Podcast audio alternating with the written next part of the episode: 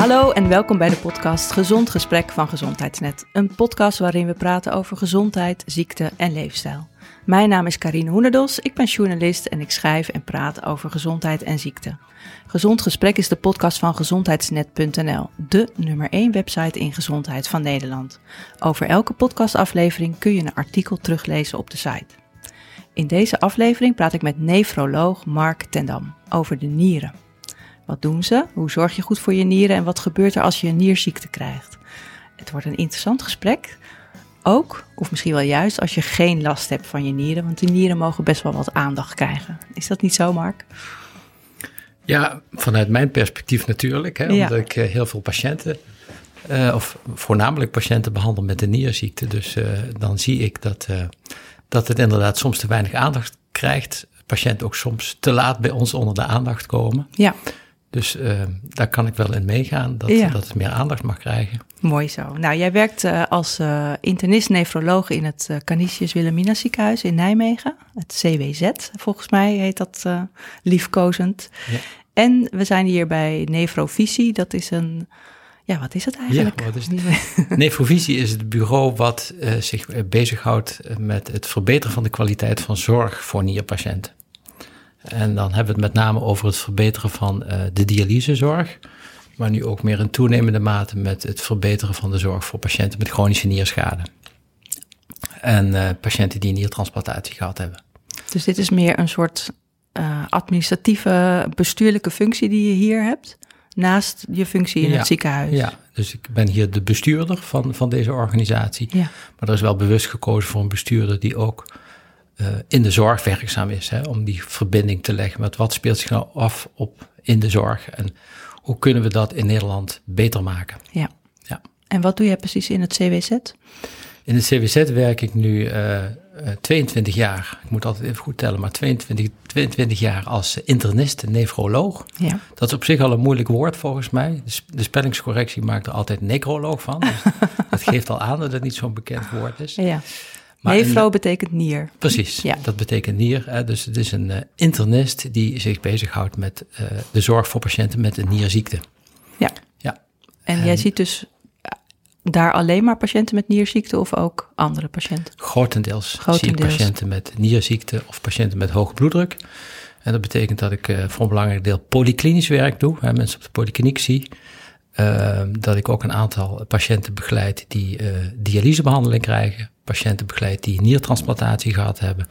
En patiënten begeleid die chronische nierschade hebben. Ja, nou, dialyse ja. en transplantatie en nierschade, ik denk dat die onderwerpen nog wel aan de orde zullen ja. komen. Ja. Um, nou, laten we eerst maar eens beginnen met, ja, met het onderwerp van vandaag, de nieren. Um, waar zitten ze eigenlijk in je lichaam? Ja, ja ze zitten een beetje aan de achterkant, uh, onder uh, je ribbenboog. Uh, daar zitten ze aan, in het, uh, net onder je ribbenboog aan de achterzijde. Ja. ja. ik kan het nou niet zo goed aanwijzen Nee. in deze podcast. uh, maar je voelt ze niet. Nee. dus als je zegt van kan je dat nou goed voelen? Nee, dat, dat, dat kan niet tenzij ze echt vergroot zijn. je hebt er twee. Je hebt twee nieren. Um, en wat zijn nieren? Dat zijn eigenlijk een grote verzameling van kleine filtertjes.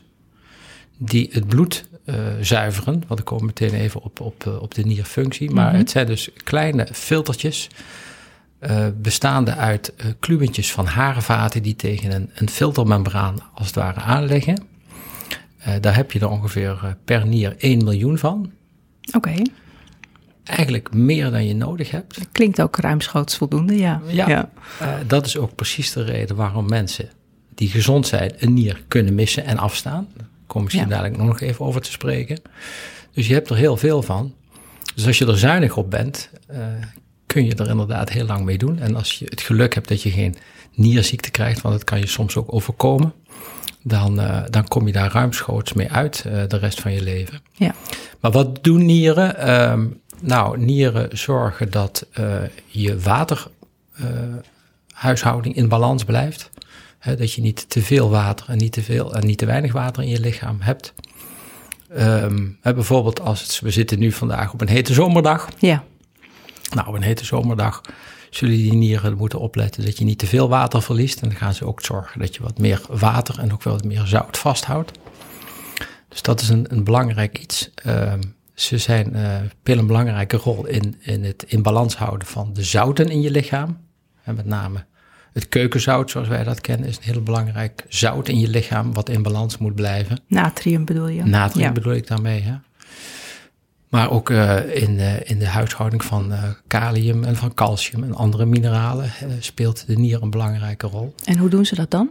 Nou, um, het zijn dus filtertjes waarin dat bloed gefilterd wordt. Daar wordt ook, worden ook die, die, die mineralen, die zouten, die gaan mee in dat filterproces. Maar achter zo'n filtertje zit een buisje wat in staat is om heel selectief bepaalde zouten vast te houden dan wel uit te scheiden. Oh, ja. Dus daar zitten allerlei controlemechanismes in die uh, ervoor zorgen dat dat allemaal keurig in balans blijft. Dus het en, wordt ergens gemeten van hoe is het met uh, natrium in het ja. lichaam? Is er te veel? Oké, okay, dan moeten ja. we nu uh, moeten we wat meer het poortje open doen en we moeten doorheen, door het filter. Ja. Dus dat is, uh, dat is een heel. En uh, is inderdaad dat, dat natrium wat je noemde, is wel het belangrijkste zout. Omdat dat voor een belangrijk deel ook bepaalt hoeveel vocht je in je lichaam hebt. Hoe meer zout je vasthoudt, hoe meer vocht je vasthoudt, hoe meer zout je uitscheidt, hoe meer uh, vocht je uitscheidt. Ja. En daarmee is natrium ook een hele belangrijke stof in het goed houden van de bloeddruk. Ja. Dus dan heb je door een andere functie van de nier. De nier heeft een belangrijke rol in de bloeddruk goed in balans houden. Um, dat doet het ook door bepaalde hormonen te maken die de bloeddruk kunnen verhogen. De nieren maken zelf hormonen. Maken ook nog hormonen. He, dus naast... Dat doen ze ook in die filtertjes? Nee, dat, dat doen ze in, uh, in uh, orgaantjes die vlakbij die filtertjes in de buurt zitten. Dus die zorgen ervoor dat wanneer bijvoorbeeld de bloeddruk te laag dreigt te worden, dat je, en met name ook om te zorgen dat die doorbloeding van de nier goed blijft. He, dus ze hebben op een gegeven moment in de gaten, de bloeddruk is te laag, we moeten wat gaan doen. Onder andere om te zorgen dat wij nieren voldoende Puur bloed eigen belang is Puur eigen belang. ja. Dan gaan ze bepaalde hormonen maken om te zorgen dat ze voldoende bloed houden. En dan, uh, dan gaat ook de bloeddruk in je, in je lichaam omhoog. Ja, ja. oké. Okay, dus je vochthuishouding, je mineralen, je zoutenhuishouding en daardoor ook je bloeddruk. Ja, en uh, iets anders is dat ze overtollige afvalstoffen uitscheiden. Onder andere de afvalstoffen van uh, die, de afbraak van eiwitten. Ja, ik denk dat veel mensen dit als de meest, als de meest bekende functie zien van ja. de nieren, toch? Als ja. een soort afvalstoffenfabriek. Ja. En ja, hoe dus, werkt dat dan precies? Nou, die worden dus door dat filter, uh, worden die, uh, uh, komen die in de urine terecht, of in de voorurine heet dat dan nog. Maar die worden niet, anders dan die, die mineralen waar ik het net over had, die worden soms opnieuw weer in het lichaam opgenomen om die balans goed te houden. Maar die afvalstoffen, die, die, die worden gewoon uitgescheiden met ja. de urine. Dus dat is heel simpel. Het wordt uitgefiltreerd en het wordt uitgescheiden. Via de urine? Via de urine. Mm -hmm. um, zuur is ook een, of eigenlijk ook een afbraakproduct van de, van de verbranding uh, in je lichaam. Dus dat moet ook, het overtollige zuur moet uitgescheiden worden. Dat is ook iets wat de nieren doen. Um, en ze maken ook, ik noemde al hormonen om de bloeddruk omhoog uh, uh, te doen gaan, maar ze maken ook hormonen om te zorgen dat je, vol, dat je geen bloedarmoede krijgt. En dat hormoon kennen wij een beetje van de wielrennerij. Dat is namelijk EPO, ah. erythropoïetine. Uh, dat heb je nodig om. ja, ik kijk naar Jonne, want Jonne is een wielren meneer. Oh, oké. Okay. nou, dus als je nieren minder goed werken, maak je minder EPO, minder erythropoïetine. En dan kun je, als je nieren echt heel slecht werken, daarbij bloedarmoede krijgen. En gelukkig kunnen we dat aanvullen met medicijnen, met uh, dus die erythropoïetine. Ja. En die zijn bedoeld voor nierpatiënten om je bloedgehalte toch op een normaal niveau te houden. Um, maar wielrenners gebruiken het omdat ze graag met een bloedgehalte boven het normale niveau willen komen en nog harder kunnen fietsen. Want wat doet dat hormoon dan? Zorgt het dat je meer rode bloedlichaampjes aanmaakt? Ja, of? ja, ja, dat klopt. En dat wordt ook weer in de nieren aangemaakt. Dat wordt ook in de nieren zie je. Er gebeurt echt verrassend veel in die nieren, vind ik. Uh. Er gebeurt verrassend veel. Ja. Vitamine D wordt geactiveerd. Dus in die zin speelt de nier indirect ook een, een rol in de, in, de, in de botstofwisseling. Zorgen dat je botten goed blijven. Dus als je vitamine D aanmaakt in je huid onder invloed van zonlicht, dan moet het eerst nog zeg maar geactiveerd worden door de nieren. Ja, het voordat het twee kan activatiestappen, onder andere in de lever, maar ook in de nieren. Ja, ja. Dus dat, uh, dat is nog een, een belangrijk iets. Uh, nou, ook, uh, ik noemde net afvalstoffen, maar ook uh, medicijnen die je slikt. Die worden, voor een deel van deze medicijnen, die worden, de afbraakproducten worden via de nier uitgescheiden. Ja. Dus dat kan ook wel een, eh, een belangrijk aspect zijn. Met name als je het hebt over het goed doseren van medicijnen, moet je wel rekening houden met nierfunctie. Ja. ja. Wat een hoop functies, hè? Ja. Dus EPO, vitamine D, je bloed filteren. Ja. Uh, vochtbalans, bloeddruk. Dat betekent dus allemaal wel dat als er stront aan de knikker is, als er iets aan de hand is met de nieren, dat je dus ook veel problemen kunt verwachten in de Nou ja, gezondheid. Ik zei je net al dat, uh, vertelde je net al dat, dat je een grote reservecapaciteit hebt van die nieren. Hè? Dus Ja. het gaat gewoon heel lang goed. Dat is ook uh, meteen het probleem. Uh, mensen melden zich niet zo makkelijk spontaan met een nierziekte, omdat je er, uh, het kan heel, er kan heel veel kapot gaan voordat je wat gaat merken. Ah, en hoe, hoe kan dat? Omdat je zoveel van die filtertjes hebt. Ja, hè, voor, voordat je uh, klachten krijgt van een slechte nierfunctie, Ja. dan zit je vaak met een nierfunctie die onder de 30% van uh, de nierfunctie uh, zit die je normaal zou hebben. Wauw. Ja. Dus dan kan 70% al kapot zijn of, Ja. en dan pas merk je Ja. dat er Ja. iets aan de hand is. Ja. En wat merk je dan? Nou, wat je geleidelijk aan kunt gaan, en dat is ook nog weer verschillend een beetje per leeftijd, is, is ook een beetje mijn ervaring. Hè. Oudere mensen gaan vaker sneller wat klachten krijgen, komen wat sneller in beeld. Ook omdat er soms bij oudere mensen eerder reden is om die nierfunctie te meten. Maar bij jongere mensen maak ik wel eens mee dat ze met een nierfunctie van 10% komen. En Oh. dan zeggen, ja, ik voelde me een beetje moe. Dat is het dan een Dat beetje. was het dan. Ja. En hoe komt het dat, dat vermoeidheid een klacht is die voorkomt bij... Uh... Ja, dat heeft voor een deel met die bloedarmoede te maken, maar voor een deel ook met die afvalstoffen die leiden tot vermoeidheid als je die minder goed gaat uitscheiden. Dan hoopt zich dat op in je Ja. lichaam. Ja, uh, dus de, de klachten die je geleidelijk aan gaat krijgen. En dan praat ik even over een nierfunctie die geleidelijk aan achteruit gaat. Ja. Hè? Dan ga je klachten van moeheid krijgen. Uh, je kunt klachten van uh, jeuk krijgen, kouwelijkheid. De eetlust kan op een gegeven moment minder worden. Het denkvermogen kan achteruit gaan. Dat is wat je zo langzaamaan ziet gebeuren. Ja. Het is anders. zijn allemaal best wel vage, vage dingen. Vage klachten, Ja, en zeker als Ja. bij iemand ouder wordt, dan denk je, nou ja, die Ja. zet de verwarming wat hoger en die, Ja. die kan niet, is niet meer zo helder. Ja. Dan denk je niet zo snel aan nieren. Nee, dat klopt. Dat klopt.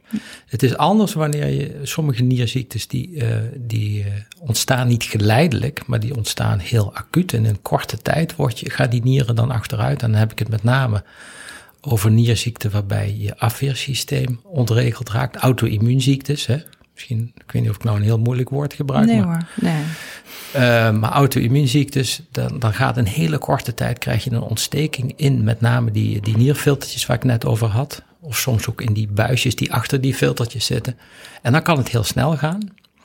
En als het dan heel snel gaat, dan merken die mensen die Ja. verandering wel. Dan gaat het niet zo geleidelijk. Dan en gaat het niet geleidelijk. En vaak uh, heb je bij zo'n auto-immuunziekte ook nog in andere organen klachten. Uh, soms in, je, in je andere delen van je, van je bloedvoorziening of in je kleine bloedvaten van je huid uh, zie je dan afwijken. Of in je gewrichten. Ja. Waardoor het vaak een combinatie van symptomen is. Samen met die achteruitgang van die nierfunctie, dat die mensen zich bij de dokter melden. Ja, oké. Okay. Voordat we verder gaan op die, op die nierziekte, wil ik nog even uh, vragen over urine. Want wat is dat precies? En maken de nieren nou de urine? Zit het, ja, is dat... ja. ja. En eerst noemen we dat dan voorurine. Hè, dus wat direct uit dat filtertje komt, dat is dan de voorurine. En uh, in die voorurine, nadat die uh, in, langs dat, door dat filtertje is gekomen, dan vinden er nog allerlei correctieprocessen plaats, waar ik het net over had, om dat zoutverhaal, dat verhaal mm -hmm. van die mineralen helemaal in balans te brengen. Uh, en uiteindelijk komen al die kleine buisjes uit die filtertjes samen in steeds grotere buisjes. En uiteindelijk komen die in urineleider. En de urineleider komt in de blaas. Ja. ja. En uh, hoe weet je of je voldoende urine aanmaakt? Of uh, ja, wat, wat kunnen mensen nog meer voor vragen hebben over urine? Ja. Hoe weet je of, je of het goed is wat je plast? Of ja. het er goed uitziet? Ja, ja. ja, is op zich wel een, een goede vraag. Nou, laat ik zeggen, in ieder geval... Uh, het moment dat je te weinig urine gaat maken, dat is pas wanneer die nierfunctie echt heel slecht werkt. Mm. Dus onder 10%. Dus je zult niet zo snel merken dat je te weinig urine gaat maken, tenzij je een hele snelle achteruitgang van je nierfunctie ja. hebt, die heel snel naar vrijwel nul toe gaat. Dan zul je merken dat je echt minder gaat plassen. Uh, dat kan je onder andere zien uh, op dat moment dat die nier ook minder gaat plassen, wat zich daaraan vooraf kan, uh, uh, kan gaan afspelen, is dat die nier meer water gaat vasthouden. En dan gaat die nier wat geconcentreerder worden, dus wat donkerder worden. De urine gaat de urine, donker. Ja. De urine, hè? dus daar kan je het dan zien. Dus dat is iets wat, wat je kan zien. Er zijn sommige nierziektes die zich uh, manifesteren doordat er bloed in de urine komt. Ja. Ik had het net over die ontsteking van die, van die kleine filtertjes. Die filtertjes horen rode bloedcellen niet te laten passeren. Die zijn eigenlijk te groot. Ja. Op het moment dat die filtertjes ontstoken raken, gaat er bloed door die filtertjes heen en dan komt dat in de urine terecht. En dat kan zo massaal zijn dat je dat soms met blote ogen kan zien. Hmm. Dus dat, kan Dat is sowieso een signaal van eh, naar de dokter. niet altijd dat het dan uit de nier het komt. Het kan ook uit de urineleider of Ja. uit de blaas komen. Maar dit kan iets zijn wat ook in de nier een teken van een nierziekte kan zijn. Eh, Als je heel veel eiwit verliest, dat is ook een grote stof die normaal niet door dat filter hoort te gaan, dan gaat je urine wat meer schuimen. Dat hoor je dan wel eens. Schuimen? Schuimen, ja. Oké. Ja. Dus dat hoor je dan ook wel eens. Goed. En de kleur van de urine, zegt dat nog wat? Behalve Ja, dus hij wordt dus bloed? donkerder Ja. op het moment dat je in, in een situatie komt van te weinig vocht. Hè, dan, ga je, dan gaat hij wat geconcentreerder worden. Eh, hij kan inderdaad bruin-rood worden als er bloedcellen in zitten. En hij kan heel soms ook helderrood worden als er heel veel bloedcellen in zitten. Ja. Ja. En schuimen. Nou, En ja, eh, iets, iets wat, wat niet specifiek bij de nier hoort, maar je kunt ook een urineweginfectie hebben. Hè? Dan Ja. krijg je wat troebele urine. Ja. Eh, krijg je dan, hè? dan krijg je ook pijn met plassen. Ja, Ja. ja. oké. Goed, gaan we nog even terug naar die, eh, naar die nieraandoeningen. Of ja, op welke manier kun je het ontdekken? Want je zei al van, nou, je hebt heel veel mensen ontdekken het pas in een heel laat stadium. Ja. Wordt het ook wel eens gecontroleerd met bloed of zo, en dat je dan eerder ontdekt? Ja, nou dat ligt met name denk ik voor een belangrijk deel bij de huisarts. De huisarts weet dat er bepaalde patiënten zijn die een verhoogd risico hebben op een achteruitgang van de nierfunctie. En daar zal die huisarts ook actief die nierfunctie gaan meten met een bloedtest. Ja, En gaat ook meten in hoeverre er tekenen van schade zijn eh, die zich manifesteren door meer eiwit in de urine. Dat er meer eiwit in de urine zit. Dat moet ik misschien nog even uitleggen. ja, Eh, als je het hebt over het in beeld brengen van een nierfunctievermindering, dan zijn er eigenlijk twee belangrijke dingen die we doen. Mhm. We meten in het bloed een bepaald stofje die iets zegt over de mate of de snelheid en de mate waarin het bloed gezuiverd wordt. Dat drukken we uit in filtratiesnelheid per minuut. Dat geeft eigenlijk aan hoeveel bloed wordt er per minuut gefiltreerd. ja. En hoe heet dat stofje? Dat stofje heet creatinine. Creatinine. Ja, Het stofje wordt door de spieren gemaakt, door de nieren dus eigenlijk uitgescheiden. En ehm, als je dan die spiegel in het bloed kan meten, en je maakt dan een schatting van hoeveel iemand per dag aanmaakt, en dan gaan we er eigenlijk vanuit dat iemand van een bepaalde leeftijd en een bepaald geslacht evenveel spieren heeft. Dat, dat is een, een aanname die dan soms wel tot een, eh, tot een verkeerde uitslag kan leiden. Maar ja, als je daarvan uitgaat, hè, en dat is heel praktisch om daar zo mee om te gaan, dan kun je met het gegeven van er wordt zoveel creatinine gemaakt, er zit zoveel in het bloed, dan kun je berekenen hoeveel er dan eigenlijk gefiltreerd wordt, hoe Ja. snel die filtratiesnelheid is. als je een bodybuilder bent, dan heb je heel veel creatinine. Heel goed. Ja. Ja. heel goed. Dan mag die spiegel eigenlijk wat hoger zijn, hoef Ja. je toch geen mindere nierfunctie te hebben. En omgekeerde, als je ondervoed bent, dat, dat is de valkuil waar je een beetje rekening mee moet houden. Maar in ieder geval, ehm, dus je meet eigenlijk die filtratiesnelheid en je meet ook in de urine of er eiwit, te veel eiwit in zit. Ja, want je zei net al, als, als, de, als het beschadigd is, die filters, dan kunnen, kunnen er eiwitten in doorheen. precies. Dat wat eigenlijk niet de bedoeling is. Nee. Dus dat zijn de twee parameters waarmee je eigenlijk vaststelt of en in welke mate er een nierfunctie schade is. Eigenlijk best eenvoudig, Ja, of niet? Dat is, Of dat zijn is dat hele moeilijke- ja. Nee, dat is eenvoudig. En eh, je, je vroeg van hoe, komt, eh, hoe kom je er nou achter dat je nierziekte hebt? Nou, de huisarts zal voor veel patiënten waarvan die eh, kan vermoeden dat er mogelijk nierschade zal zijn, zal die dit soort metingen doen. Hè. In het bloed zal die dat creatinine meten, in de urine zal die het eiwit meten. En hoe vaak zal hij dat doen? Dat hangt ervan af van hoe groot het risico is. Hè. Maar bijvoorbeeld een, iemand met suikerziekte zal die dat minimaal één keer per jaar doen. Ja, ja. En iemand met hoge bloeddruk zal die dat ook eh, al snel één keer per jaar doen. ja want je noemt nu twee grote risicogroepen. Ja, ja. Diabetes, diabetes. eh, nou, mensen die überhaupt al een hart-vaatprobleem in het verleden gehad hebben. Misschien heb je met eerdere podcasts wel eens gehoord van cardiovasculair risicomanagement. Nou, huisartsen hebben heel duidelijke richtlijnen ja. Bij, eh, voor welke categorie patiënten dat cardiovasculair risico in beeld brengen. En dus ook de nierfunctie, want dat gebeurt eigenlijk vrijwel bij al die patiënten. Ja, want die nieren zijn natuurlijk ontzettend afhankelijk van hoe stroomt het bloed. Ja. Stroomt het goed door je lijf, Ja. dan, eh, dan Ja. is er niks aan de hand. Maar als je hoge bloeddruk hebt of Ja, ergens een vernauwing, dan, dan eh, wordt het ingewikkeld. Dan moet je... ja. ja. ehm, maar dus eh, de- eh, ik kom nog even terug op jouw vraag, hoe kom je erachter? Hè? Voor een groot deel gaat dat via de huisarts. Ja. Ehm, en wij zijn wel in Nederland aan het, aan het nadenken, moet je niet inderdaad wat, wat op een bredere manier gaan screenen eigenlijk mensen. Hè? Juist om, om die reden die ik net zei, dat je, Dat je het pas zo laat door hebt. dat je het pas zo laat door Ja. hebt. Maar of dat zinvol is, dat weten we nog niet zo goed. Hè? Er worden nu onderzoeken gedaan waarbij gewoon in een eh zeg maar, dwarsdoorsnede van, niet, niet die risicogroepen, maar gewoon een deel van de Nederlandse bevolking, gewoon dit soort metingen te gaan doen en te gaan kijken, wat levert dat nou op? Hoeveel vis je eruit? Ja, hoeveel kom je dan toch nog tegen? Ja, want als je merkt dat, dat er nierschade is, kun je er dan wat aan doen? Eh jazeker. Oh, ja, ja, nee, dat is natuurlijk wel heel belangrijk. Ja. Ja. dan kun je er zeker wat aan doen. Ja. Ja, nee, want anders zou het niet, eh, niet relevant zijn. Nee, nee. En nog even wat je, wat je net zei, eh hart-vaatziekte. Hè? Het is dus zo dat als je een hart-vaatziekte gehad hebt of daar een risico op hebt, dan heb je en meer kans op nierschade, om reden die je net zei. De nier is een goed doorbloed orgaan. Ja, Als je bloedvaten slecht zijn, kunnen je nieren ook achteruit gaan. Eh, en omgekeerd is het ook nog een keer zo, dat als je nieren slechter werken, maak je ook weer meer kans op hart- en vaatproblemen. Ah. Hebben we ontdekt.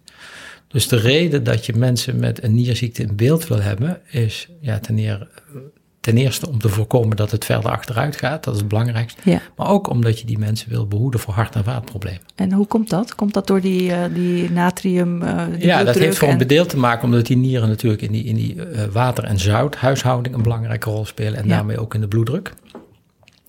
En als dat mechanisme gewoon minder goed werkt, dan heb je op die manier, eh, eh, vanwege het feit dat je hoge bloeddruk hebt, heb je ook meer kans op, eh, op hart- en vaatproblemen. Ja. Ja.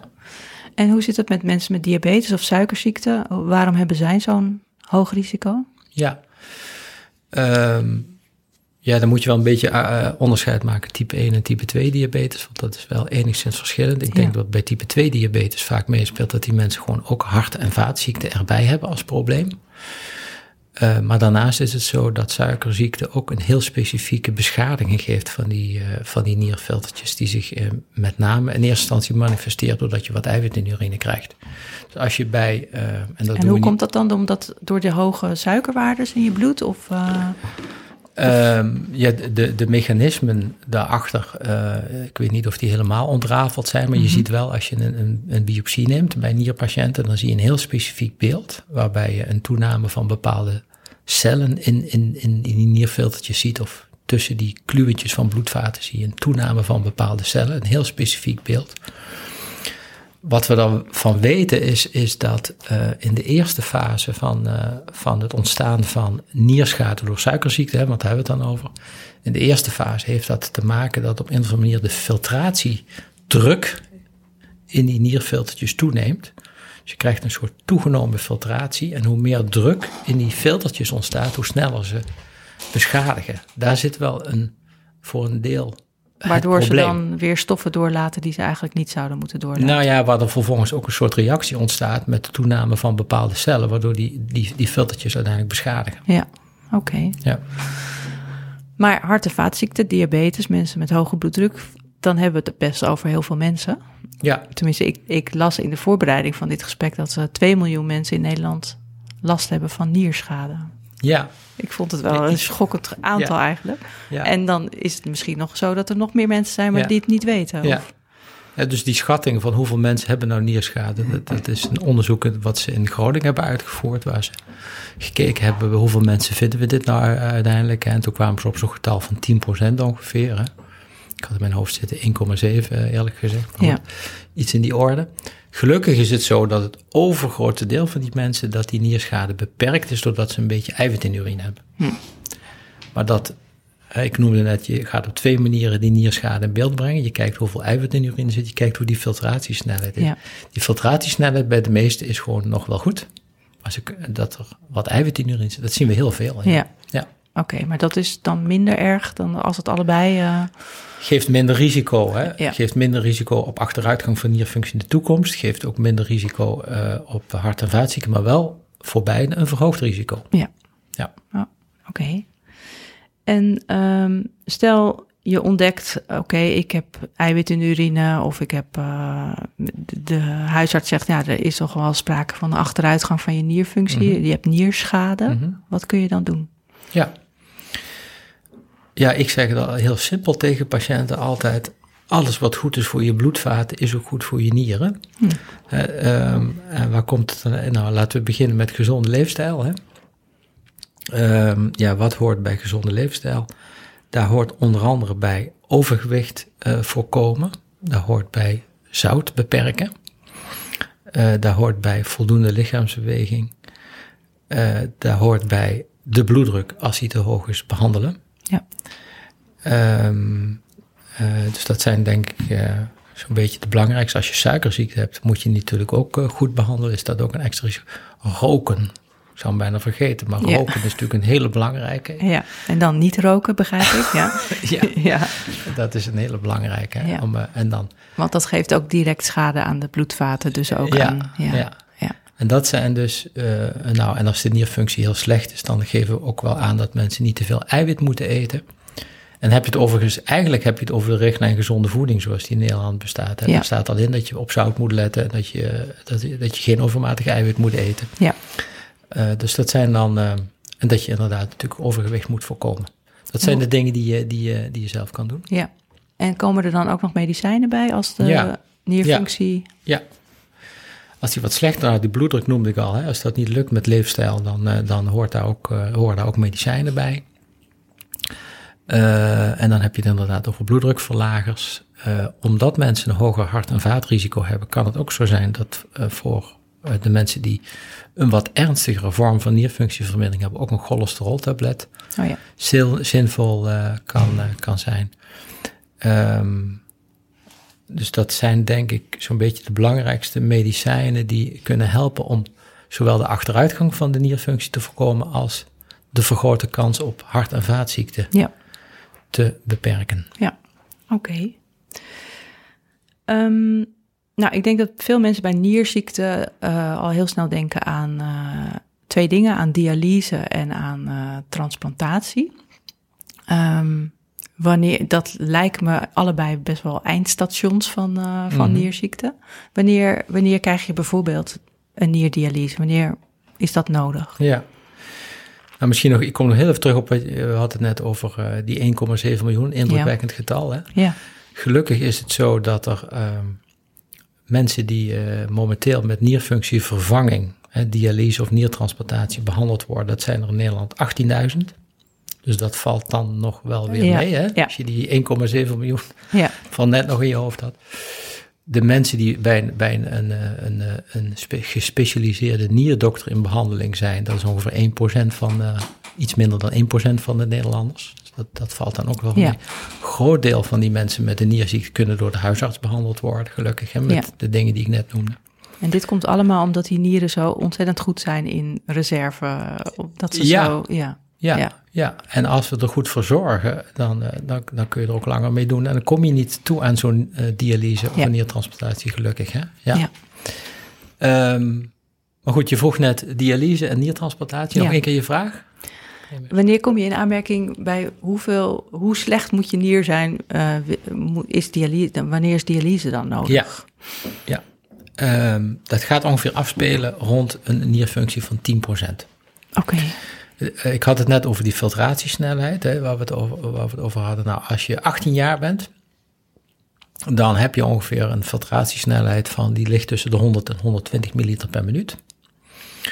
En eh, die dialyse of die transplantatie, die kan in beeld komen als die filtratiesnelheid nog maar iets van 10 eh, milliliter per minuut is. Oh. Dus dan zeggen wij ook wel 10% ongeveer. ja, Ja. ja, En het is niet zo'n strikt getal. Hè. Bij 10 moet je beginnen.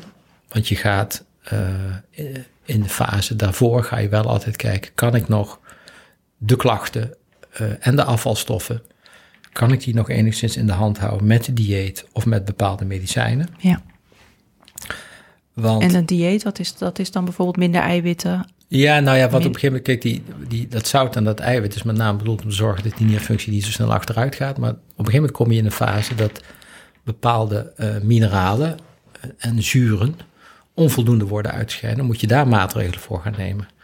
Eh, en dan heb je het onder andere over kalium, is een zout wat onvoldoende wordt uitgescheiden dan. Of fosfaat, wat in de voeding zit. Ja. Waarvoor je beide een dieetmaatregel kunt nemen, maar ook wel medicijnen kan gaan gebruiken. Eh, dan heb je het over tabletten die je kan slikken om de zuurgraad wat eh, te corrigeren. Eh, dus dat zijn dingen die je kan doen. Hè. Dus dieetmaatregelen, tabletten om het nog enigszins uit te stellen. Ja. Ja. Ja, want het is natuurlijk een hele zware behandeling. ja, is dat zo? Ja, dat ja, is dat, zo. is, dat is wel zo. Maar Ja. hoezo is het zo zwaar? Wat, wat Ja. gebeurt er bij een di- dialyse? Nou ja, ehm, eh, het, eh, het hangt een beetje af wat voor soort behandeling je gaat doen. Hè? Eh, wat misschien wel goed is om te noemen, is dat ehm, voordat mensen eh, aan die behandeling toekomen, dan daar gaat een heel ruim voorbereidingstraject aan vooraf. Eigenlijk beginnen we al bij nierfunctie rond 20%, gaan we het gesprek al aan. Wat wil jij nou dadelijk gaan doen als die nierfunctie nog maar 10% is? Want er zijn inderdaad eh, meerdere mogelijkheden Mhm.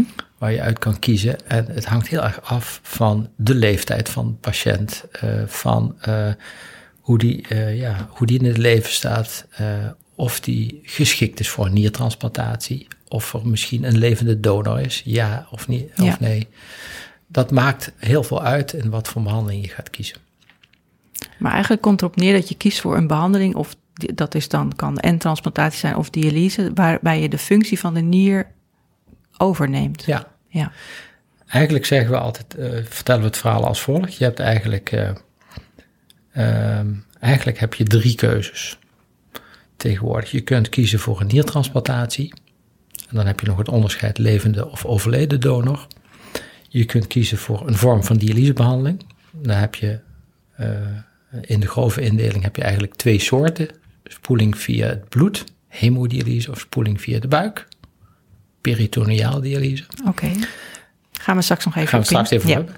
En, maar je hebt ook de mogelijkheid, want we hebben toch te maken met een, eh, voor een belangrijk deel een oudere populatie. Dus je hebt ook de mogelijkheid om ervan af te zien. Ja. Hè, eh, toen wij, eh, toen dialyse in Nederland een beetje begon, en eh, dan praat ik over, dan heb je het ook over de jaren zeventig, dus dat is al heel lang geleden. Toen Nou, was het- toch eigenlijk wel relatief kort geleden, vind ik. Want daarvoor was er dus niks. Nee, dat klopt, ja. Ja. Ja. Ehm, ja, toen was het zo dat het een, een hele bijzondere behandeling is, die, die ook die, die vanwege de techniek vaker tot complicaties eh, leiden, met name eh, bloeddrukdalingen tijdens zo'n behandeling en, en mensen die daar heel veel klachten van hadden. Ehm, dat maakte dat die behandeling eh, niet alleen kostbaar, maar ook niet voor iedereen geschikt was. En dat was een tijd waarin wij zeiden van nou, als iemand bijvoorbeeld, toen was het zo, als iemand suikerziekte heeft, nou dan is die eigenlijk niet geschikt voor dialyse. Mm. Die tijden zijn veranderd. Bijna iedereen, bijna iedereen zou een dialysebehandeling kunnen doen. Ja. Maar nu zitten we meer in de tijd van, moeten we dat wel bij iedereen doen? Ja. Heeft het wel meerwaarde? Omdat de mensen die ons wordt aangeboden voor dialyse, dat zijn steeds oudere mensen, die ook nog heel veel andere ziektebeelden er vaak bij hebben.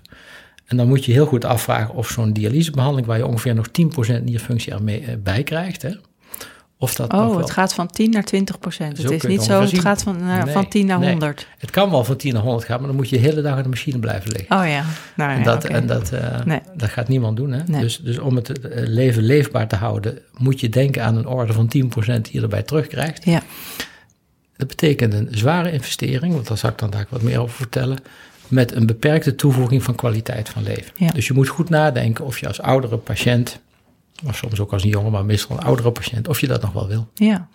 En Dus wat, vandaar- gebeurt, vandaar- er, wat gebeurt er als mensen het niet willen? Nou, dan ga je wel kijken. Eh, Kijk, als die nierfunctie heel snel naar nul gaat, eh, eh, dat hoeft niet hoor, maar dat kan. Ja. Ja. dan, dan, dan zouden mensen daaraan komen te overlijden. Ja. Maar als het heel langzaam gaat, dan kun je toch nog wel een deel van die klachten enigszins in de hand houden.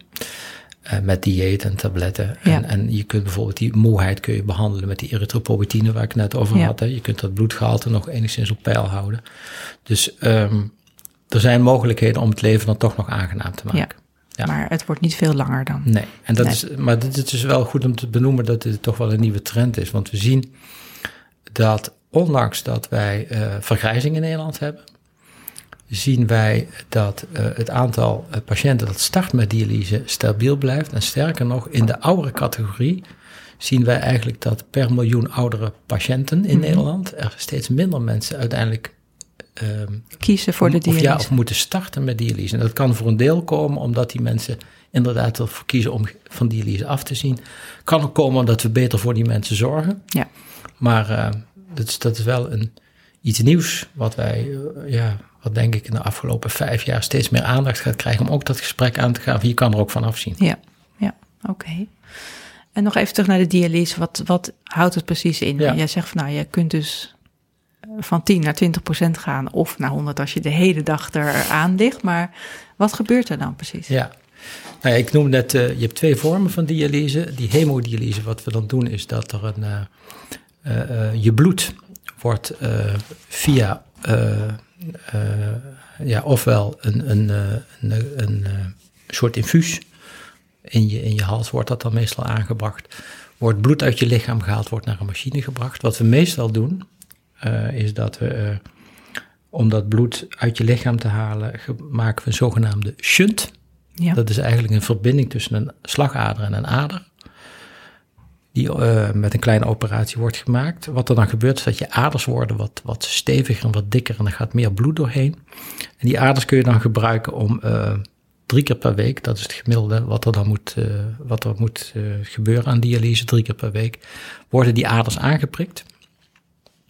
Dus of via een shunt of via zo'n zo'n zo'n infuus in de hals, wordt bloed naar een machine gebracht. Dat wordt gezuiverd met spoelvloeistof en wordt aan de patiënt teruggegeven. Dus er worden dan afvalstoffen uitgehaald, de overtollige mineralen worden eruit gehaald, de overtollige zuur eh, wordt eruit gehaald eh, en vocht. En dat wordt dan aan de, de patiënt dan weer teruggegeven, dat bloed, hè? Ja, dat het gezuiverde schone bloed. het Ja. schone bloed. Nou, en dat moet, hangt een beetje af wat je eigen nieren nog doen, maar dat moet gemiddeld genomen drie keer per week gebeuren. En hoe lang duurt dat en hoe ongemakkelijk is, is ja, dat? dan zijn ze dus drie keer per week zijn ze daar een middag of een ochtend mee kwijt. Eh, er zijn ook wel mogelijkheden om het s'nachts te doen, waardoor je overdag wat meer eh, je handen vrij hebt. Maar Ja. anders moet je dat drie keer per week doen. Dan lig je daar aan zo'n apparaat Lig je vast. aan een apparaat vast, hè, dus dat is al, eh, ja, dat, dat geeft een enorme beperking van de vrije tijd. Niet te vergeten, mensen moeten ook nog met een taxi naar het ziekenhuis Ja. komen en terug. Kost ook weer wat tijd. Eh, afhankelijk van, eh, van vaak de leeftijd, ook of je nog een hart- eh, of vaatziekte erbij hebt, wordt die dialyse meer of minder goed verdragen. Want de klachten die je kan krijgen, je haalt in een korte tijd afvalstof en vocht weg. Die schommeling die dat met zich meebrengt, dat kan leiden tot klachten van een bloeddrukdaling. ehm, dat je krampen krijgt in je benen. Dat je eh, eh, na de dialyse je wat katerig voelt. eh, zo noemen ze dat dan. Hè. Er zijn mensen die moeten gewoon na dialyse nog een uurtje thuis op bed gaan liggen om, om er een beetje van bij te komen.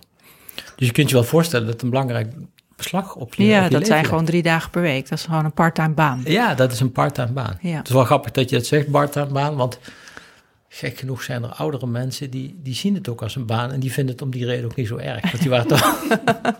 ja, Die verveelden zich kapot met hun, dat is ook, hè. Maar voor jongere mensen willen we, eh, ja, überhaupt eigenlijk willen we dat zoveel mogelijk. Nee, beperken. als je al een baan hebt en, en of Ja. een gezin, dan is, Ja. het, dan is het een Ja. enorme belasting. Dat kan ik me voorstellen. En dat is ook reden dat wij in toenemende mate aan het kijken zijn, kun je die behandelingen niet thuis aanbieden? Mhm. Ehm, proberen we ook zoveel mogelijk. Maar eh, dan moet dat bij voorkeur gebeuren eh, door de patiënt zelf. Want verpleegkundigen, zoals je wellicht weet, dat is een groot tekort van in Nederland. Hè. Dus verpleegkundigen voor de ondersteuning thuis, dat is vaak een probleem waar we dan tegenaan lopen. Maar waar we naar het kijken zijn, is of we toch die apparaten waar je dat, dat bloed mee spoelt, of we die toch niet wat eenvoudiger kunnen maken. Eh, en daar, daar worden wel stappen nu in gezet. Maar is dat dan die hemodialyse die je thuis doet? Of dat Ja. wat je zei met dat buik? Nee, ik heb het nu nog even over de hemodialyse. Hè. Ook daarvan willen we gaan kijken van kun je toch niet... eh, en die apparaten zijn er al, ze worden steeds kleiner, steeds eenvoudiger. Wat een groot probleem is, is dat je, uh, ik noemde al dat je dat bloed schoonspoelt met spoelvloeistof. Ja. En dan heb je ongeveer uh, toch al snel zo'n 40 liter heb je dan nodig. Per keer? Ja, um, bij een heel eenvoudig apparaat. En dat moeten we eigenlijk nog verder zien terug te brengen. Ja. Dus daar worden nu stappen genomen om um, dialyseapparaten te maken waar je die spoelvloeistof als het ware kan hergebruiken, zodat je minder spoelvloeistof nodig hebt. Want uh, anders is het een heel geslepen. En nou ja, een heel anders gedoe. moet je ook, moet ja. je ook aan het, aan het uh, ben je afhankelijk van het leidingwater om die spoelstof aan te En dat leidingwater moet ook weer schoongemaakt worden Mm. om het als spoelvloeistof te kunnen gebruiken. Dus we zijn nu naar een systeem aan het kijken dat je niet van het leidingwater afhankelijk bent, dat je die spoelvloeistof kan hergebruiken en dat je op die manier een eenvoudigere eh, setting hebt om die dialyse thuis aan te bieden. Ja, mooi, mooie ontwikkeling. Ja. ja. Maar Dus gebeurt dat al of is dat uh, is Nou, dit toekomstmuziek? Het apparaat waar ik nu, dus de Nierstichting, is daar heel erg actief mee uh, op dit moment. Uh, de verwachting is dat dat nu toch, de aankondiging is dat het aan zit te komen, is al heel lang, maar de verwachting is toch wel dat dat uh, volgend jaar daar de eerste patiënten mee uh, behandeld uh, gaan worden. Mooi. Ja. ja. Dus die, die, die spoeling die, die, van die hemodialyse is, is een ingewikkelde behandeling in het ziekenhuis, maar we gaan proberen zoveel mogelijk dat ook thuis te gaan aanbieden. Maar grotendeels moeten mensen dat in het ziekenhuis doen. Ja. Ja. De andere, ik had het net over die buikspoeling. Ja. Dat is een behandeling die in principe wel thuis doet. Dan wordt er een slangetje in je, in je buik uh, uh, aangelegd. dat slangetje dat, dat komt dus uit in je buikholte. Wordt daar aangelegd, blijft ook gewoon daar zitten in je buik. En via dat slangetje wordt spoelvloeistof in, in, in de buikholte ingebracht. Ja. Ongeveer 2 liter. En met die spoelvloeistof, daar maak je eigenlijk ook via je buikvlies je lichaam eigenlijk mee schoon. Dus je haalt afvalstoffen en Het buikvlies fungeert dan als ja, filter. Eigenlijk wel, ja. ja. En dat is een behandeling die, waarbij je uh, een paar keer per dag die spoelvloeistof moet verwisselen. Uh, maar dat kan je ook s'nachts door een automaat laten doen terwijl je slaapt. Dus zodat je met die wisselingen overdag um, eigenlijk geen tijd kwijt bent of dat hooguit nog maar één keer hoeft te doen. Ja. En het voordeel van die buikspoeling is dat je dat gewoon thuis kan doen en dat je ook wat gelijkmatiger die afvalstof en het vocht uit het lichaam haalt. Dat is anders dan bij de hemodialyse, vertelde ik net al. Dat is drie keer per week. Heb je enorm veel schommeling in Ja. je vocht en je afvalstof, waardoor je er ook meer. Maar doe je dat dus ook vaker, die buik? uh, dat doe je dan dus elke dag of elke Ja, nacht? dat doe je elke dag. Ja, Ja, dat ja, moet ja. je wel iedere dag doen. Ja. Ja, En uh, Dat is dat dan hetzelfde percentage wat het omhoog, ja brengt? Ja, Oké. ja, ja, Ja. En dan heb je nog transplantatie, want Ja. we hebben twee nieren en je kunt er eentje cadeau doen aan iemand. Je kunt er eentje cadeau doen, ja. Ja. ja. Eh, en we hebben dus, een, uh, ik zei nou, we hebben uh, 18.000 mensen in Nederland die, die um, een vorm van nierfunctievervanging nodig hebben. En daarvan zijn er ongeveer 12.000 zijn mensen die met een niertransplantaat. Uh, ongeveer de helft heeft die, dat niertransplantaat van een levende donor gekregen en de andere helft van een overleden donor. Het heeft wel voordelen om van een levende donor een niertransplantaat te krijgen, omdat die uh, in principe veel langer meegaan dan uh, de nier van een overleden donor. Dus, Want, hè, dus want als we, uh, zijn het dan meestal jongere mensen die, die zo'n donor zijn dan? Of, of is het de kwaliteit gewoon beter als het uit een levend mens zo komt? is het. Dat Ja. laatste is, dat is, dat is een heel belangrijk voordeel. Ja. Ja, ja. Ja. Een heel belangrijk voordeel. Maar het is ook wel zo wat je zegt. Het geldt zowel voor een ouder als een levende donor. Hoe ouder de patiënt, hoe minder lang die nier meegaat. Dat Ja. is zeker zo. Ja. Ja. Oké, dus er zijn 12.000 mensen in Nederland die... Die nu een niertransplantaat hebben, ja. Ja. ja. En hoe gaat het met die mensen? Is dat een, een eh, 100% uh, goede oplossing? Of, uh, Ja. Nou ja, het is, het is geen oplossing die, die oneindig meegaat. Hè? Um, ik denk dat uh, van een levende donor na 15 jaar, ik heb de getallen net nog even nagekeken, dat zo ongeveer 80% nog een goede transplantaatfunctie heeft. En van een overleden donor is dat ongeveer 65%. Dus dat geeft aan, het gaat niet nee. eindeloos mee. Hè? Uh, maar je moet ook medicijnen slikken. Hè? Je moet je voorstellen, zo'n zo'n niertransplantaat. Uh, je kan het zien als je een keer een splinter in je vinger hebt gehad. Dan zal je, uh, je lichaam proberen die splinter eruit te zweren. En dat Ja. gebeurt eigenlijk ook met een niertransplantaat. Het lichaam gaat zijn ontstekingsmechanisme in werking stellen om in principe die nier eruit te werken. Er wordt wel gekeken of die nier goed bij je past, maar het is nooit een 100% match. Dus je moet altijd eh, moet je medicijnen gebruiken om te voorkomen dat die afgestoten raakt. Ja. En daar zit een beetje de crux van, van, je, van de nadelen waar je het net over hebt. Hè. Dat zijn afweeronderdrukkende medicijnen waar je in de eerste fase hoge doseringen veel van moet gebruiken en later wat minder. Uh, maar in alle gevallen hebben die natuurlijk bepaalde bijwerkingen. En met name omdat je afweersysteem onderdrukt wordt, heb je meer kans op infecties. Ja. Want daar is je afweersysteem voor bedoeld. Uh, maar er zijn ook wel andere bijwerkingen die, die we wel eens zien. Hè. Daar zit bijvoorbeeld prednison, uh, bekend medicijn. Ja. Nou, dat geeft wel eens de bijwerking van dat je meer kans op suikerziekte hebt, meer kans op botproblemen hebt. Um, dat geldt ook voor een aantal andere medicijnen, dat die wat meer kans geven op uh, suikerziekte of op, uh, ook weer op hoge bloeddruk. Um, en iets wat je ook ziet is als mensen langere tijd die medicijnen gebruiken, dat ze iets meer kans hebben op bepaalde kwaadaardigheden, op, op maligniteit. Dus mensen die langer die medicijnen gebruiken, daar zien we wel eens van dat ze. Die medicijnen die het immuunsysteem. Die onderdrukkende ja. medicijnen, hè, dat uh, hebben die, een vergrote kans op kanker. Daardoor. Ja, en, en dat, gelukkig gaat dat dan meestal om vormen van huidkanker die makkelijk te behandelen zijn. Oh. Maar dat zijn wel dingen als je die medicijnen wat langer gebruikt waar je, waar je tegenaan kan lopen. Ja. Ja. ja. Oké, okay, dus het is niet een uh, halleluja verhaal. Het is geen halleluja verhaal, maar ik denk wel dat, dat uh, als jij bij mij zou komen zoals je nu hier zit uh, met een nierziekte en ik zou jou moeten vertellen wat moet je nou gaan doen, dan zou ik echt mijn best gaan doen om voor jou een niertransplantatie te regelen, omdat dat gewoon veruit de beste oplossing is. Beter dan dialyse. Beter dan dialyse, hè? want ja. ik zei net al, met die dialyse krijg je maar 10%, met zo'n niertransplantaat krijg je snel al 50, 60%. Mm. Ben je niet die tijd aan de dialyse kwijt, ja. heb je een veel betere kwaliteit van leven, ja. heb je ook veel betere overlevingskansen. Dus ja, daar, daar gaan we voor. We zijn dus ook continu in Nederland in de weer om te zorgen dat we die kans op transplantatie kunnen verhogen. En hoe kunnen we dat doen? Ja, hoe kunnen we dat doen? Nou ja, die donorwet heb je misschien wel al uh, van gehoord. Hè? Dat is een uh, manier om dat te doen. Maar ook uh, onder de aandacht brengen als zo'n patiënt bij ons komt met een nierziekte, van die uh, optie van een niertransplantatie onder de aandacht brengen bij de patiënt, maar ook bij de omgeving van die patiënt. Je dus bedoelt de goed- een, om een donor nier te geven als je, als Ja. je nog leeft. Dus wat we, Ja. wat we, de voorlichting beperken we niet alleen, meer, niet alleen tot de patiënt, maar we betrekken ook, of we bieden in ieder geval de optie om het sociale netwerk ook te informeren. Uh, en ja, hoe meer mensen geïnformeerd zijn, dat geeft denk ik ook wel een hogere kans op dat toch zo'n donor zich aanbiedt. Het blijft een hele bijzondere gebeurtenis, vind Ja. ik nog steeds, hè, dat, Ja. je, dat je dat doet, moet ik zeggen. Dat vind ik echt uh, iets heel bijzonders. Er zijn zelfs uh, ja, ook mensen in Nederland die niet eens specifiek aan een bekende of aan een familielid een, een, een nier afstaan, maar die gewoon zeggen: Ik wil een nier afstaan en kijk maar wie je ermee kan helpen. hè. De Wauw.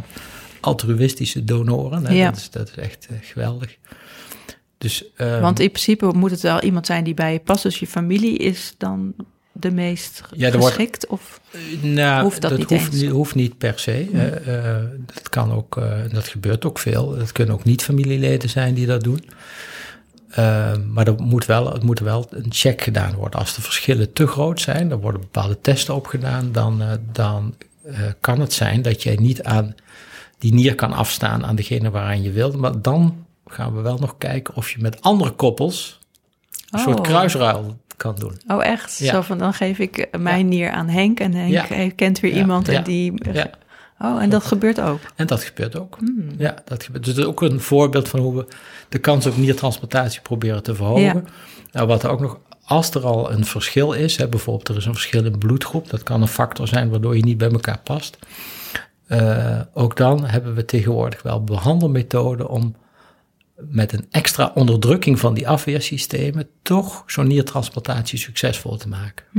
Doe jij deze operaties ook of niet? Nee, ik, ik, ik- ben een zogenaamd beschouwend specialist. Ja. Dat betekent dat ik het mes niet eh, of nauwelijks ter hand neem. Ja, ja. Ja. oké. ja. Ja. En hoeveel mensen in Nederland staan er nu op de wachtlijst? Weet je dat? Ehm, eh, nou, nee, dat weet ik niet. Maar ik, ik, kan, ik weet wel hoe lang de wachttijden zijn Ja. voor een overleden donor. Ik weet even niet zo snel uit mijn hoofd hoeveel er nu op de wachtlijst staan. Zou ik even naar moeten kijken. Ja, maar ja. Maar hoe lang duurt het gemiddeld? het hangt een beetje per bloedgroep af. Ook er zit een, klein beetje klein verschil in de, in de bloedgroep. En dat zit in de orde tussen 2 en eh 3,5 jaar dat mensen moeten wachten op, eh, Ja, op een. eh, dat En- is gemiddeld, hè? Gemiddeld. Want ja, je hebt geluksvogels die toch heel snel in de beurt zijn. Ja. Het is een wachtlijstsysteem dat is gebaseerd op, eh, op een. Je hebt een soort puntensysteem. Eh, en de punten die jou voorrang geven, dat is onder andere de tijd dat je dialyse gedaan hebt. Dat, dat is een belangrijke factor. Maar ook als er een nier voorbij komt die heel goed bij je past, levert je dat ook extra punten. Ja. Dan kan je heel erg omhoog gaan. en, en de tijd dat je dialyse hebt gehad, eh, is dat dan eh, hoe langer je dialyse hebt Ja. gehad, hoe, ho- hoe meer punten je hebt? Ook meer hoger op de Oké, wachtlijst. ja, want ik kan me ook voorstellen dat die dialyse ervoor zorgt dat, het, dat, je juist, dat je nier juist minder geschikt is. eh. Nee, dat is niet zo. nee, nee, nee, nee, oké. nee. En als mensen op de wachtlijst staan, dan is eigenlijk de enige eh, stap die ze dan nog kunnen doen, is dialyse. In afwachting Ja, als van er de dus nier. geen levende donor is, hè, waar we altijd naar op zoek gaan, dan zullen mensen toch tijdelijk moeten dialyseren. Ja. ja. Oké. Ehm, misschien nog eventjes over, eh, over het eh, dieet. Want Mhm. eh, ehm, ehm, mijn collega Sophie die zei van... nou, dit, het dieet bij nieraandoeningen is het meest ingewikkelde dieet wat er is... of een meest ingrijpende die- Mhm. dieet. Mhm. Kun je daar iets over vertellen? Bij dialysepatiënten. Ja. Ja. Ja, er zitten een aantal eh, aspecten in.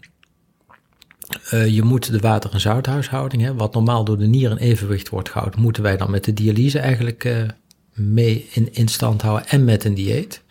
Dat betekent dat mensen een eh, vochtbeperking krijgen, wat ontzettend lastig is. Ja. Alles wat niet mag, dat wil je juist graag wel natuurlijk. Hè? ja. En wat, wat houdt het in? Hoeveel mag je dan drinken bijvoorbeeld? Ja, het hangt een beetje af of mensen zelf nog een nierfunctie hebben. Dat kan heel veel uitmaken. Er zijn mensen aan de dialyse die nog een liter of meer plassen. Dan is het vrij eenvoudig. Dan mag je al bijna normaal drinken wat je normaal doet. Maar als je ehm, eh, Als je geen, bijna geen, geen... geen, nierfunctie hebt, dan, ja, dan mag je maar iets meer dan een liter eh, per dag drinken. Oh, ook op een warme dag als dit? Nee, dan mag je meer drinken. Oh. Nee, nee, want dan verlies je weer meer met, Ja. eh, met transpireren. Hè? Ja. ja. Dus, maar dat is weinig, een liter. ja, ja. Dus ehm, eh, vochtbeperking, zoutbeperking hoort daar ook bij. Want als je meer zout eet, krijg je en meer dorst. Eh, maar kan je ook meer vocht gaan vasthouden. Als je nieren nog werken. Ehm, dat is een belangrijk. Nou, ik had net over kalium. Kalium dat zit in, eh, in fruit, in vruchtensap, zit in melkproducten, zit in koffie. Nou, het zijn allemaal dingen die mensen soms echt moeilijk vinden om te laten staan. Ja. Wat een hele moeilijk is, is fosfaat. Ehm, als dat eh, niet goed in balans blijft, dan is dat slecht voor je, ehm, voor je bot, voor je botkwaliteit, maar ook voor je hart en vaten. Dus we moeten heel erg op dat fosfaat letten. En fosfaat is een hele moeilijke, omdat dat eh, onder andere in allerlei supermarktproducten zit. Maar ook in eh, eiwitrijke producten zit en in zuivel. Ja. Dus dat betekent dat we de mensen daarop adviseren. En dan moeten ze aan de ene kant mogen ze niet te veel van die eiwitrijke producten eten, maar ook weer niet te weinig. Want dat is weer het in andere conditie probleem. blijven. Ja, Ja. eh, eh, dialysepatiënten lopen ook een risico op ondervoeding. Ja. Dus we gaan ze straffen met allerlei maatregelen, eh, waarbij ze soms allerlei lekkere dingen niet mogen eten. En dan zeggen we ook nog een keer, maar je moet wel opletten dat je niet ondervoed raakt. Ja. Dus dat maakt de dieet echt ingewikkeld. Ja. Ja. Nou, snap ik. Ja. is ook wel goed om te weten, denk ik, dat eh, dat, dat geen eh, katpis is. Ja. Nee. Oké. Volgens mij hebben we echt heel veel dingen behandeld. Heb jij nog eh, punten waarvan je zegt, nou, dit wil ik echt nog kwijt over de nieren? Want, Nee, ik, denk dat we een aantal dingen wel al goed besproken hebben. Ja. ja. ja. Dus als we samenvatten, dan, dan is, zijn de nieren wel iets om goed voor te zorgen. ja. En, eh, en dat je als je het vermoeden hebt dat je nierfunctie achteruit kan gaan, bijvoorbeeld omdat je diabetes hebt of eh, hoge bloeddruk, dat je dat regelmatig moet laten controleren bij je huisarts. Ja, dus de huisarts zal ook vaak eh, denk, ik, het initiatief innemen, hè, in de meeste gevallen. Ja. Ja, iets wat je wel nog, als je wil zeggen van ja, moeten we dit nou gaan opsporen hè, met bevolkingsonderzoek? Nou, daar zijn we nog over aan het nadenken of dat zinvol is. Hè. Wat misschien wel iets is wat betrekkelijk makkelijk te doen is tegenwoordig, is om eens een keer je bloeddruk te meten. Je bloeddruk meten. Want Ah, ook van een hoge bloeddruk, daar hoef je niks van te merken. Die kun je toch hebben. Ja. waarbij één meting, dat hoeft niet altijd meteen wat te zeggen. Maar als die wel verhoogd is, is het misschien wel goed om dan nog uh, onder andere met de huisarts over te praten. Ja. Van uh, moet ik hier nog verder wat mee? Ja, we hebben een hele mooie aflevering over hoge bloeddruk uh, onlangs opgenomen. Dus, ja. En die cardioloog Tamara zei ook van koop alsjeblieft zo'n apparaat ja. en, en ja, check het regelmatig. Ja. ja. dus ook voor je nieren. Niet alleen voor je hart, maar Zeker. ook voor je nieren. Zeker. Oké, Mark, heel erg bedankt voor dit gesprek. Je luistert naar Gezond Gesprek, een podcast van Gezondheidsnet, gepresenteerd door Karine Hoenedos met producer Jonne Serize. De Yearlings maakte voor ons de tune. Wil je meer weten over het onderwerp van deze podcast? Kijk dan zeker op nieren.nl, www.nieren.nl, een samenwerking van Nierpatiëntenvereniging Nederland en de Nierstichting, waar je echt heel veel informatie vindt over de nieren en over nieraandoeningen. En ook op gezondheidsnet.nl kun je meer vinden over het onderwerp van deze podcast. En wil je reageren? Dat kan. Dat vinden we heel erg leuk. Je kunt reageren via Vriend van de Show, gewoon een high five geven, een opmerking achterlaten of een extra vraag aan de gast stellen. Het kan allemaal. Vriend worden van Gezond Gesprek kan ook al voor 1,50 per maand. Kijk op vriendvandeshow.nl en zoek naar Gezond Gesprek. We zijn verder heel blij als je deze podcast deelt. Bijvoorbeeld onder je vrienden of via social media. Dan kunnen meer mensen onze podcast vinden. Tot de volgende keer, tot het volgend gezond gesprek.